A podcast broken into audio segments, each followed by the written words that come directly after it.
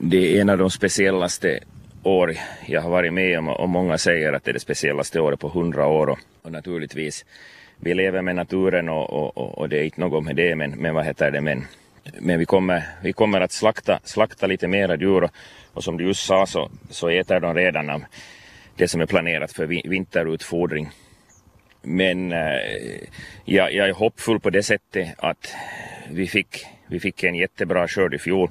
Nu, nu har skörden per hektar varit mellan 5 och 10 balar men, men i fjol var det upp till 20 balar. Så jag är jättetacksam att jag har balar från i fjol och sen har jag gjort ett samarbete med ekologiska gårdar.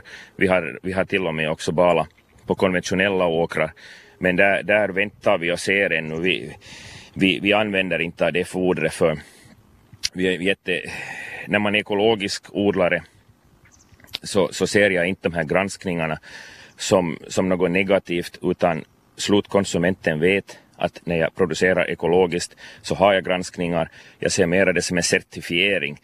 Då, då, då kan man liksom tryggt köpa det här köttet för eh, till skillnad från konventionella gårdar så kan vi ha till två till tre granskningar och, och, och, och, det, och då vad heter det, så ska vi uppfylla vissa krav. Du har då ungefär nu 70 djur berättade du här till mig, då, då är det också kalvar inräknat i de här 70 djuren. Um, hur många djur kommer ni att behöva bli av med Henrik Ekholm? Eh, vi kanske kommer att slakta kanske ett tiotal djur mera. Och, och jag, jag, hoppas att jag inte liksom behöver röra de här producerade, producerande korna för, för jag började 2012 och, och, och, och sysslar man med Highland Cattle så är, så är det ett liksom långsiktigt jobb. De växer som sagt ett år längre än övriga raser när de, de äter kopiösa mängder grovfoder och, och, och, man kompenserar inte med kraftfoder. Och när de växer långsammare så, så tar det ju längre att, att, att få djuren liksom att, ja, att producera de här, att, att de har tillräcklig ålder att producera kalvar. Nu, nu är jag på det sättet i en lycklig situation att jag har liksom bytt tjur och, och, och har första gången nu en 25 producerande kor och, och, det skulle vara beklagligt men, men jag är hoppfull fortsättningsvis just för att jag har överrådigt foder och, och vad heter det, kunna samarbeta med, med gårdar här i regionen så jag är hoppfull över att jag inte liksom behöver röra den här producerande producerande djuren så att säga. Att, att högst antagligen så, så klarar jag mig med att avveckla tjurar, kanske lite tidigare än annars, och också kvigor som inte liksom ännu producerar kalvar. Ja, du berättar här om att du tycker det är väldigt viktigt att ha det ekologiska och du följer en del regler. Men är det här inte någonting som har lite skrämt dig? Alltså nu du gick in då för att bli en ekologisk gård, uh, vilket ju då innebär en del saker och det växer ju lite sämre kanske också när det är just ekologiskt. Att det, när det kommer sådana här motgångar, har det lite fått dig skrämd? Att gjorde du fel val eller gjorde du rätt val?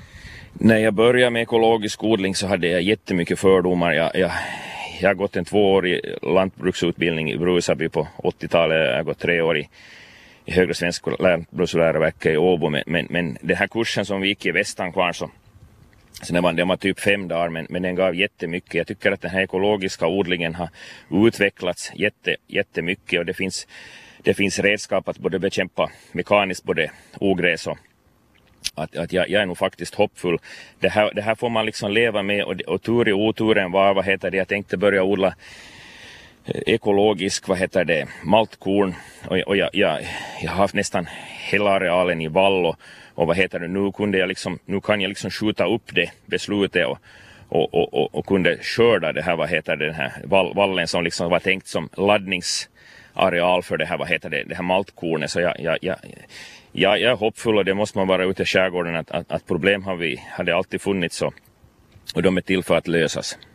Ja, man anpassar sig bara enligt situationen helt enkelt. Nå, du pratar här om att du skulle kunna kanske köpa någonting in. Är det så att är det lönsamt att köpa och, och så med hö? Att det mesta lönar väl sig att odla för sin egen del, men hur mycket kan man just investera i och köpa från andra gårdar för att ens djur ska klara sig? No, som jag redan poängterat, den här huvudflocken har jag jobbat så många år att, att den är liksom den har hög prioritet att, att, att jag är nog beredd att egentligen göra vad som helst att liksom hålla den i produktion för, för utan kalvar så har jag ju ingen köttproduktion att, att, att jag, jag är som sagt trots allt de här, de här, att det här svåra, svåra tork, torkan så, så är jag liksom hoppfull med, med det liksom att, att, att vi, vi kommer att, liksom att ro det i land så att säga det här. Hur ser läget ut på andra gårdar eh, här runt omkring? Du är, för dig då innebär det att du måste av, eh, ta, eller, slakta en del djur till. Hur är det på andra? Vet du några kollegor? Hur lägen har de? Eh, jag, jag skulle vilja påstå att, att här nära Hangeud så har vi det är annars också så specifikt att, att regnen kommer ofta vi lider av försommartorka i vanliga fall också. Att, att, att, att det brukar regna mera på andra sidan Lojoåsen så, så vi är lite förberedda men naturligtvis så så gäller det de här också de här andra, andra gårdar här som har ju samma situation ju att, att man får lite se över hur man ska göra. Och, och många, många ekologiska gårdar, gårdar har ju också eh, det som helfoder, liksom seden också. Och jag, och jag tror att vi kanske ändå sen är i en bättre situation än, än, än Sverige, för vi blev liksom förvarnade där att, att vi krossade inte liksom all vår areal, liksom, utan vi, alltså det här gräset, att vi försökte ta liksom det mesta som bara gick att ta tillvara. Att, att de flesta, flesta åkrarna här i den här regionen som det växer gräs på så är nog skördade. Och, och, och det båda ju nog liksom gott för, för den här vintern. För det kan nog vara jättesvårt att sen på vårvintern, att, att det råder ger jag till andra producenter att försöka nu köpa, köpa eller införskaffa eller bala foder nu för, för, på vårvintern så, så tror jag det kan vara jätte, jättesvårt att få tag på det sen. Ja, ja, vi hörde här lite, jag vet inte om ni hörde, men jag hörde åtminstone en av de här kossorna som börjar lite ha ljud för sig här. Um, skulle du kunna berätta lite om de här, om de här korna också för mig? Eh, vi har som sagt alltid haft djur på den här gården och, och, och jag växte upp då med, med mjölkkor. Och, men när jag, när jag liksom första gången kom i kontakt med den här Highland Cattle så blev jag liksom såld. Okej, okay, det är inte mest ur ekonomisk synvinkel inte kanske det mest fördelaktiga just av den anledningen att, att, man, att ett, ett en tjurkalv växer ett helt år längre när den liksom får grovfoder. Men, men det, ger, det ger ett mervärde har jag märkt för, för konsumenter. Och, och, vad heter det, och specifikt för den här rasen är ju då att, att den heter liksom höglandsboskap och den har liksom ursprungligen från Skottland. Och där, där har de liksom ätit på de här högländerna torrt gräs och, och, och, alltså hö och, och gräs och, och vad heter det, de, de, de, de klarar sig liksom på det och, och, och, är inte lämpliga att, att, att mata det här kraftfodret i och, och, och, vad heter det. det. Dessutom är de ganska skojiga djur. Liksom, jag, jag känner dem alla, liksom, de är alla skilda individer och, och en livförsäkring är att man liksom man, man tillbringar heltid, heltid eller en hel del tid med de här djuren och, och, och, det är jätteroligt när man går de här kvällsgranskningarna och, och, och de här djuren kommer och, och sätter sitt huvud liksom på axeln och, och vi liksom skrapar det. Så det ger ett mervärde och också de här som kan kännas besvärliga, de här kalvningarna, men, men eh, det är jätte liksom för en själv liksom att, att när det liksom föds nytt liv så det, det, när man har vuxit upp med det så det, det skulle vara jättesvårt att liksom inte ha djur på, liksom på gården. Liksom att, mm, jag skulle säga det ganska omöjligt. Att, att det liksom kompenserar den arbetsbördan, liksom det här att, att, att vad heter det, sköta de här.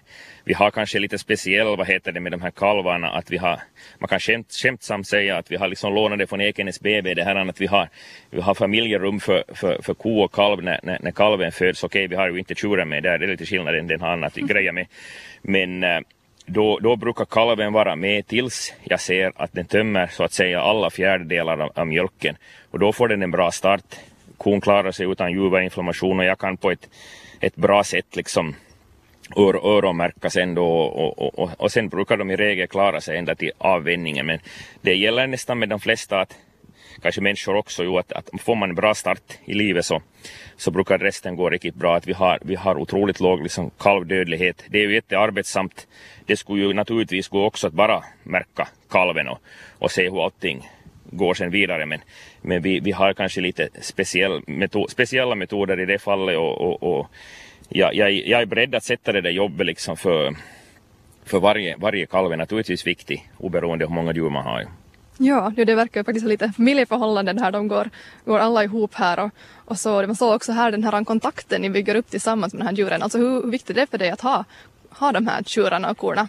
Det är egentligen en livförsäkring för mig själv att, att det rådet ger jag de som liksom föder upp det här Highland Cattle för de vet, de vet exakt var de har sina hornspetsar och, och, och, och huvudflocken, det pratas ju mycket om vargar och, och sånt, så vad heter det, de, de, här, de här bildar en solfjäder de och, och man tror att man nog får vara rädd hur vargen klar, klarar upp det. Om den är alltså ensam den här vargen, sen kan det bli problem, men, men det är en ursprungsras och, och, och de är smarta och, och vad heter det och, och jättetillgivna mot sin skötare. Att, att de känner ju en traktorn som hämtar foder och naturligtvis och, och lär sig både på gott och ont nya saker och, och att det, det är på alla visen.